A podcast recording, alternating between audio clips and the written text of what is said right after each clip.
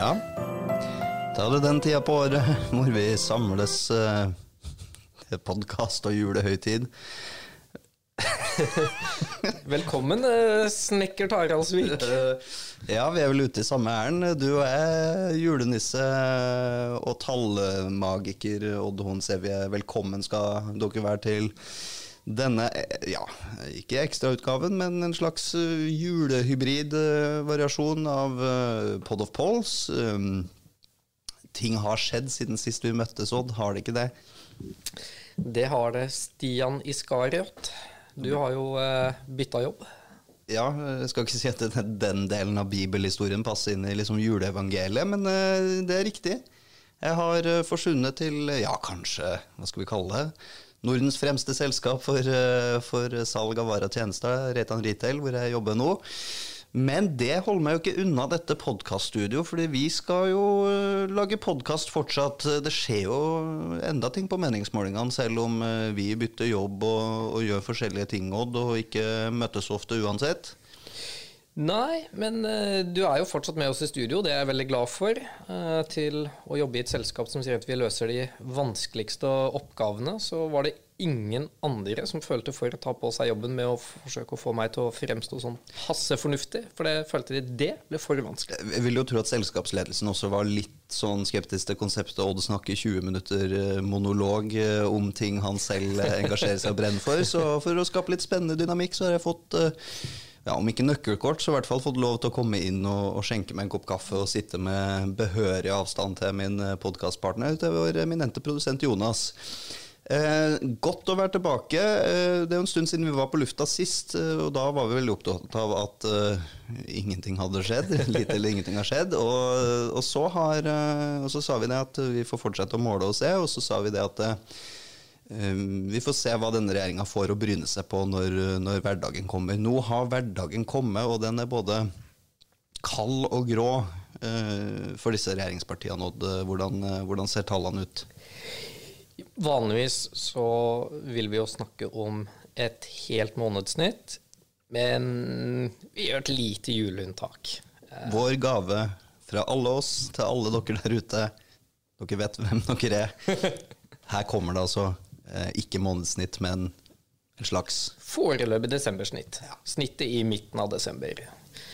Uh, nok til at vi kan kanskje si litt om hvor går dette som passe uh, for uh, ny regjering, eller ikke. Det går sånn passe hvis du spinner dette sånn passe. Ah, nå, jeg gleder meg veldig til å høre ditt spinn på dette, Stian. Fordi, la oss hoppe på tall. Det kunne gått verre. La oss hoppe på tall. Eh, jeg tenker Det naturlige nå er egentlig å sammenligne med valgresultatet. For da nå har de sittet en stund. Eh, de har fått vist ja, hva de er gode for, går det an å si det? Eh, I velgernes øyne, kanskje. Um, Det er vel det spinnet vil si. Det har det vel ikke fått så mye tid til uh, helt enda. vi kommer tilbake til spinnet, men først tar vi tallene. Uh, Ap, regjeringspartner nummer én, fikk eh, 26,3 ved valget. Foreløpig snitt i desember 23,6. Tilbake 2,7. Senterpartiet fikk 13,5 i valget. Har 11,2 på desembersnittet og er tilbake 2,3. Et samla fall på 5 prosentpoeng. Og relativt sett, kanskje et poeng å legge til, størst fall for Senterpartiet. Hva tenker du Eller spin it away, Stian. Beklager, vi har, en, eh, har- bevega oss til en eh, ny lokasjon med, med en knirkete gammel stol her. Men det kan jo være et slags lydbilde på, på hvordan gangen i regjeringskollegiet går akkurat nå. Det knirker litt i sammenføyningene. Eh, Dette er en ny regjering som har fått eh, lov til å sitte av ja, hva vi fant ut av, to måneders tid. I løpet av den, den korte, lille perioden der så har, vi jo eh, vi har jo fått en del ting å bryne oss på i Norge. Vi har denne omikron-varianten, som jeg har lært at det heter, eh, som, eh, som både avstedkommer noen ganske voldsomme tall i estimatene fra, fra helsemyndighetene. Eh, kan se på, eh, på ganske mange smitta per lag eh, framover. Så det har jo medført betydelige innstramninger og innskjerpelser i smittevernreguleringer og restriksjoner. Og så har vi denne strømsituasjonen. Jeg skal ikke si at regjeringas fortreffelighet har blitt overskygga helt av disse to ja, eh, om vi skal fortsette med juleanalogiene her, eh, Odd, så kan vi vel kalle dette med to stykker kull i julestrømpen til sittende regjering. Eh, det er vel kanskje det flere burde hatt akkurat nå, litt kull å varme seg på med, med det strømprisnivået vi snakker om. Men um, det er klart, det har jo fort tatt fokus. Uh, og hva skal jeg si to ganske krevende politiske situasjoner å hanskes med, i tillegg til et ganske sånn uh, kravstort og vanskelig uh, samarbeidsparti, får vi vel si, SV i Stortinget, som ja, leverer til sine velgere, i hvert fall på, på daglig basis, kan man vel si. Ja, altså, det virker i hvert fall sånn på målingene. Ja, og så skal man jo ta det forbeholdet at SV har jo en tendens til å bli målt bedre enn de gjør det på valgdagen. Det må man jo si. Men eh, det ser ut som velgerne liker likevel det de ser nå, for de eh, har jo gått opp fra 7,6 i valget til 9,6 på snittet av målingene. Så en pen fremgang på to prosentpoeng. Eh, det er jo interessant for mange som spådde åssen skal det gå med SV i møte med et stort offensivt Rødt i Stortinget, og man skal på en måte være, om ikke salderingsposten, så i hvert fall kanskje man blir rundingsbøya til, til regjeringa i Stortinget. Likevel, både Rødt og SV har vel framgang på denne oversikten din, har de ikke det? Jo da, Rødt går frem 0,9. Mm. Fra 4,7 til 5,6. Så de gjør åpenbart så, Da har du en pen lekkasje til venstre, og så går jo resten av altså Høyre får den pluss 3,6. Mm. Så da spises det litt av eh, MDG og, uh, også, og KrF går tilbake 0,5. Så, men sant, fordelingen her er jo både til høyre og til venstre. Så det er litt sånn dødens posisjon å sitte i. Ja, for hvordan gjør det gamle, det gamle statsbærende borgerlige partiet Høyre det? De har jo solid fremgang. 20,4 eh, på eh, valgdagen og snitt på 24 mm. nå.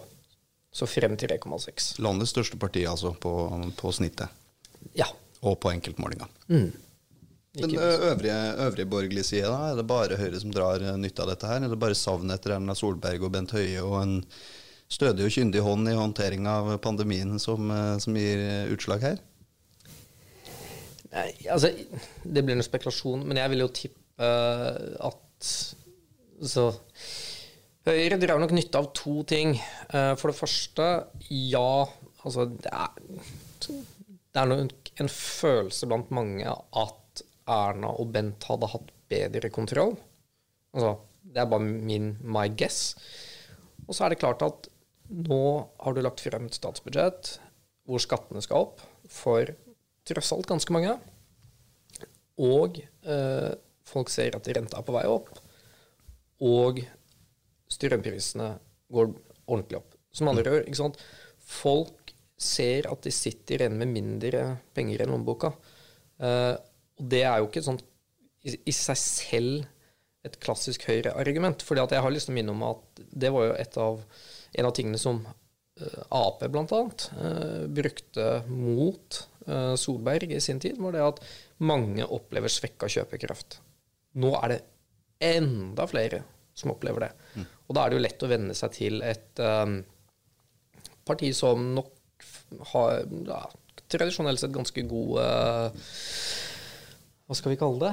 Standing på økonomisk styring og det å sikre at folk får beholde mer av sine egne penger det er vel generelt litt sånn etter et valg at det kan fort være lett å venne seg til det du kjente fra før av. Du visste hva du hadde, og ikke hva du har fått. Ja. Uh, og den usikkerheten gir seg vel utslag i, i, i det vi ser her også. Eh, kan jo, skal si, Vanskelig å, å liksom oppsummere høsten, for dette blir jo en slags oppsummering fra vår side, Odd. Eh, uten å slenge en tredje kullbit oppi denne sokken, for vi har jo hatt det man i god engelsk stil kaller sleaze.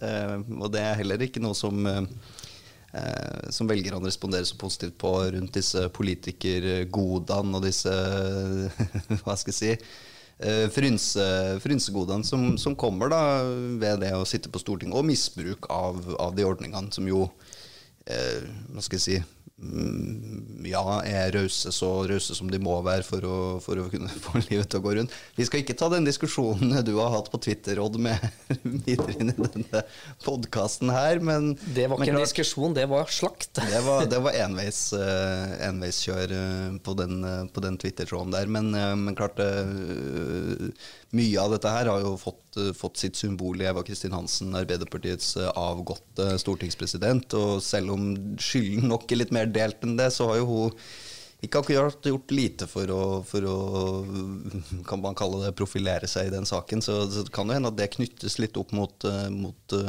styrende parti også. Kanskje, men jeg er litt usikker. Jeg tror hun er såpass ukjent at det er nok mer sånn den generelle politikerforakten mm. som bygges opp av uh, akkurat den saken mm. der. Det er men, det, men det, gagner ikke, det gagner ikke polit, altså, den politiske klassens uh, stand og stilling i, i, dette landet her. Så nei. skal jeg si, nei, nei, når stemmene skal fordeles på en meningsmåling, så, så må jo noen uh, betale også for det, uh, vil jeg tro. Ja, det Gjerdesitterne, tenker du på? ja, Gjerdesitterne kan jo alltids uh, bli flere, og de har nok kanskje også vokst litt uh, gjennom høsten her. Ja, det, det, er det, for det skal jo sies på målingen til Ap at uh, hvis, hvis, de skal finne noe lysglimt, så er det jo det at det er jo mange av velgerne som har satt seg på gjerdet, ikke nødvendigvis bytta parti. Mm. lojaliteten til Ap har jo gått også ganske godt ned. Mm. Um, men hva skal jeg si, det, det, men det er litt med det at når du er statsminister og finansminister, så på en måte sitter du med det tyngste ansvaret også for alt som går i galt. Mm. Eh, så det er også et spørsmål om hva Altså er dette også en tilbakemelding mm. på hva velgerne syns om hvordan Jonas og Trygve fyller de nye rollene sine? Mm. Og for Jonas' en del så tenker jeg at altså det var i hvert fall veldig mye av eh, narrativet eh, i oppløpet av valgkampen var det at sant, nå har det vært han, han, har liksom ikke en form og en stil som passer så godt til å være opposisjonsleder. Mm. Men gi han muligheten til å skinne som statsminister, så skal dette gå mm. veldig fint. Hittil så virker det ikke som han trives så veldig godt Altså, Jeg syns ikke han skinner da, eh, så veldig godt i rollen som statsminister heller. Og det er liksom litt sånn kan, altså, kan mannen skinne, eh, med mindre han er i medvind? Eh, i hvert fall. Men, men klart det er en mager trøst uh, gitt det nåtidsbildet vi har, å kikke litt tilbake på, på, på Vi har snakka om at vi har en smittesituasjon. Uh, for de av lytterne våre som husker litt tilbake til typ mars i 2020, situasjonen var helt annerledes fordi dette var nytt, og det var en mm. klar sånn, kraft i mobiliseringa den gangen. Men, men også de som husker tiltakene når de kom, og timing og Eh, presisjon på de tiltakene som kom ikke bare under første, første lockdown, men også gjennom disse smittebølgene som vi har vært gjennom, så eh, syns jeg det har vært gjennomgående det at eh, det har vært et overveldende krav i befolkninga om innstramminger. Mm. Hver gang disse har kommet. De har kommet litt sånn, opplevd det som de har kommet litt sånn ti over halv, og nesten litt seint. Og det har ofte vært i den grad det har vært noe særlig kritikk av foregående regjerings håndtering av den pandemisituasjonen, så var det at uh, skolene stengte for seint, at tiltak ble satt inn uh, for seint. Mm. Det tror jeg nok man har lært av at det var en formel som fungerte ganske godt. Fordi det var bedre å ha en samla oppfatning av at nå må vi ha tiltak. Eh, og så fikk de heller komme litt seinere når den oppfatninga var delt enn, å, enn, å, sette inn uh, uforholdsmessige tiltak for tidlig. Nå er jo diskusjonen også litt mer uh, segmentert, kan du si. Nå, nå, nå, har man jo fått en slags, kall det en offentlig opposisjon, som er hva skal jeg si, Du trenger ikke å være anti, antivaksine eller eh, konspirasjonsteoretiker for å mene at, eh, at disse tiltakene kan diskuteres, at de er for strenge.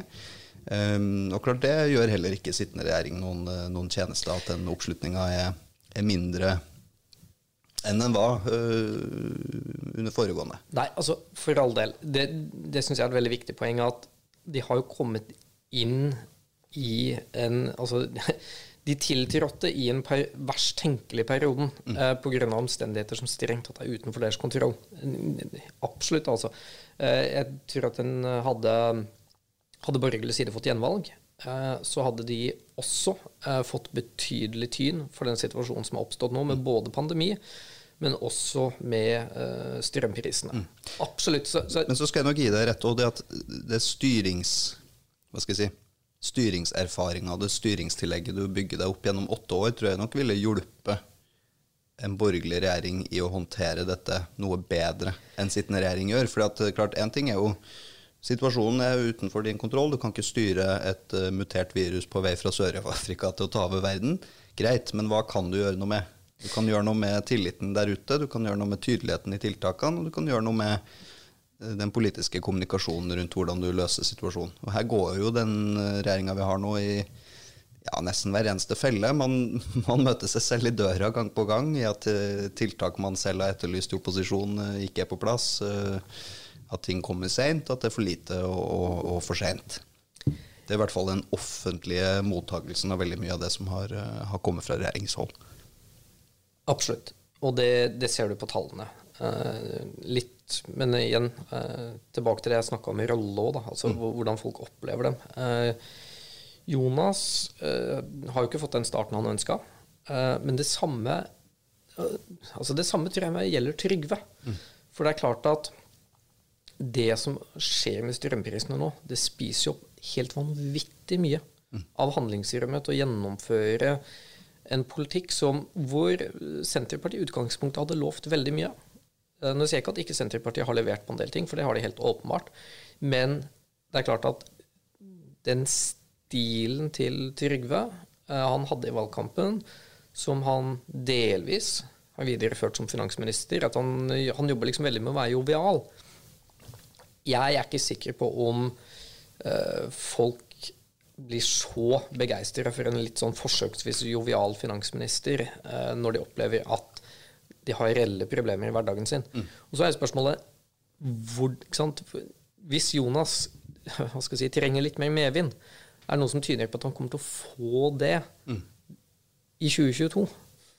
Men, jo, men altså, jeg, jeg, er i tvil, fordi at nå bruker de sinnssykt mye penger, skal bruke sinnssykt mye penger, på å håndtere strømprisene. Mm. Og hvis, det, hvis de da ikke skal stramme inn, og dvs. Si ikke levere på en del av de andre løftene sine, men må forsøke å finne penger til det også, så kan det jo hende at enten så må de stramme inn på ting som er upopulært, eller så kan det hende at den totale pengebruken blir såpass stor at det i seg selv kan stille spørsmål ved ok, men kommer denne renteøkninga fordi at finansministeren og statsministeren er uansvarlig? Mm. Vi vet at det skal komme renteøkninger, og de kommer til å komme. Uh, men hvis du får skylda for det mm. som politiker, så er jo det ganske kjipt. Mm. Det hjelper jo ikke å ha gitt noen tusenlapper til strømregninga hvis det mer enn spises opp av at renta går opp. Mm. Så er det et sunnhetstegn at renta går opp. Men det er liksom ikke så lett å forklare folk som ser at de sitter igjen med mindre ja. i lommeboka. Eller utelivet i Oslo, som er stengt og, og banker rått.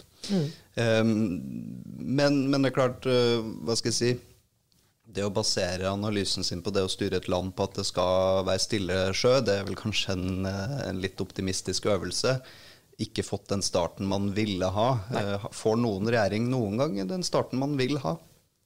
Er man ikke mer heldig eller uheldig, sånn som i dette tilfellet? Klart, uh... Veldig uheldig. Altså, jeg vil si at i 2005, da Stoltenberg overtok Han overtok jo i en veldig komfortabel uh, posisjon sånn rent økonomisk. Samme må jo kunne sies i 2013. Altså det, det, meste var ganske greit. Og det første statsbudsjettet, eller tilleggsproposisjonen den mm. gangen, mm. handla jo om å fjerne arveavgiften. ikke sant? Ja. Populært løfte, populært tiltak. rom for å gjøre det, og eh, du hadde liksom lav rente. Alt var ganske smooth. Ja, for det, det er jo litt interessant å se på når vi snakker tall og meningsmålinger. Du hadde en lignende konstellasjon med Høyre-Frp, mindretallsregjering, tok over i 2013. Eh, kom inn, eh, overtok og arva et budsjett fra den rød-grønne regjeringa, eh, og satt i Ja, det, ble ikke åtte år med de, da, men det, men det ble i hvert fall åtte år med Erna Solberg og, og Høyre ved roret. Hvordan var første, første høst-vinter for, eh, for den eh, konstellasjonen som gikk på i 2013, Odd, hvis vi skal sammenligne? Tallmessig eh, så var det jo sånn at uh, når vi kom i desember 2013, så lå Høyre ett prosentpoeng høyere enn valgresultatet, mens Frp på sin side lå 2,1 lavere enn valgresultatet. Så forskjellen fra den gang og nå var det at seniorpartneren tjente på deltakelse, juniorpartneren tapte på deltakelse, men ikke like mye, sånn relativt sett, som dagens juniorpartner, altså Senterpartiet. Så ikke sant, i sum så var det sånn De, de lå helt eh, tilbake 1,1 samla, som jo er, og, og når seniorpartneren legger på seg, så er det en åpenbart vanvittig mye bedre start enn når du går tilbake 5 prosentpoeng samla. Så kan vi jo se sånn på, på hva skal jeg si, hva skjedde i 2013. Eh, ikke så veldig mye. Du hadde to eh, partnere i Stortinget som ikke ønska at Frp skulle sitte i en regjering i utgangspunktet, KrF og Venstre. Men så kom det til 2014, og dette var litt sånn kuriøst. Men i dag så fikk jeg et minne opp fra en gang eh, tilbake for sju år siden på denne dag. Mm. Så var jeg student i England, og, og, og mm, oljeprisfallet var ganske dramatisk. Førte til at krona eh, svekka seg enormt, og det ble veldig dyrt å være student i utlandet for min del. Men samtidig også, det var veldig mange oljearbeidere ansatt i offshorenæringa som, som ble permittert, som mista jobben. Uh, fikk dramatiske konsekvenser for norsk økonomi at, at oljeprisen falt så kraftig sånn som den gjorde i, i, i 2014. Ja. Uh, jeg husker også meningsmålingene fra da. Altså husk på uh, det var, ikke, det var ikke umiddelbart etter at Arbeiderpartiet gikk av at Arbeiderpartiet fikk et stort oppsving på meningsmålingene. Eh, høsten 2014 så presenterte øh, Høyre Frp sitt første egne statsbudsjett. Det var en god del sånn primærpolitikk, husker jeg. Det var noe med narrativet som opposisjonen bygde rundt det budsjettet, rundt at det var usosialt, det var en god del kutt der, det var en del eh, endringer i arbeidsmiljøloven som skapte en del bruduljer. Jeg husker at eh, meningsmålinga til Arbeiderpartiet på det tidspunktet nådde jo opp imot en sånn 40 Eh, og oljeprisfallet var en, var en reell politisk krise som, som regjeringa ikke styrte over selv, men som de måtte håndtere. Eh, og hvor det fikk seg et eh, ganske sånn tydelig skrell på meningsmålingene. Eh, så, så liksom Enhver regjering som møter en krise tidlig i perioden sin, før man har fått satt seg, før man har fått bygd et narrativ og et prosjekt, og før man har liksom fått alt på plass, kan jo være ganske sårbare for den typen situasjoner som, som, som skjer. Og så skal det sies at den regjeringa fant jo måter og, og motkonjunkturpolitikk for å håndtere det oljeprisfallet på en klok og fornuftig måte, som gjorde at eh, når man kom til 2017, så holdt eh, Arbeiderpartiet fortsatt på dette narrativet rundt uh, at det var for få tiltak for seint og for mange arbeidsledige osv. når økonomien snudde, og det viste seg at det gikk jo mye bedre med norsk økonomi enn det Arbeiderpartiet sa, og så tapte man, eh, eller greide man ikke å vinne det 2017-valget. Sånn at uh, mye kan skje uh, i en regjeringsliv, men, uh, men det er klart det er si? Men, men starten er viktig. Starten er viktig. Og, og, og det er det som er, for at den gangen så fikk man en god start, og så begynte det å butte. Og så klarte man å jobbe seg gjennom det. Og det er altfor tidlig å si hva som kommer til å skje med eh, dagens posisjon. Det kan godt hende at de jobber seg gjennom dette. Vi kommer oss ut av pandemien. eh, og økonomien går egentlig ganske godt. Eh, De får til å gjennomføre mesteparten av løftene sine, etc. Alt det kan skje. Men samtidig så er det litt med at når du eh, altså Akkurat nå så sitter de i en hengemyr. Og det er førsteinntrykket til velgerne. Så jeg tror de har litt dårligere tid på seg til å komme seg ut av den hengemyra. Det er dårligere tid, men det er også dårligere råd. Ja. Og det ene og det andre. Høres ut som en veldig god avslutningstid. Men Eh, vi skal, skal avslutte pent her fra vårt eh, lille studio. Vi sier som vanlig 'den som måler, får se', men i disse eh, juletider så passer det vel seg også å si eh, riktig god jul God jul. og riktig godt nytt år. Og så ses vi igjen i eh, det nye året, i 2022. Og vi skal fortsette å måle, og vi skal fortsette å følge med, og vi skal se på hengemyra om det blir noe bedring eh, når vi kommer dit. Takk for at du lytta til oss.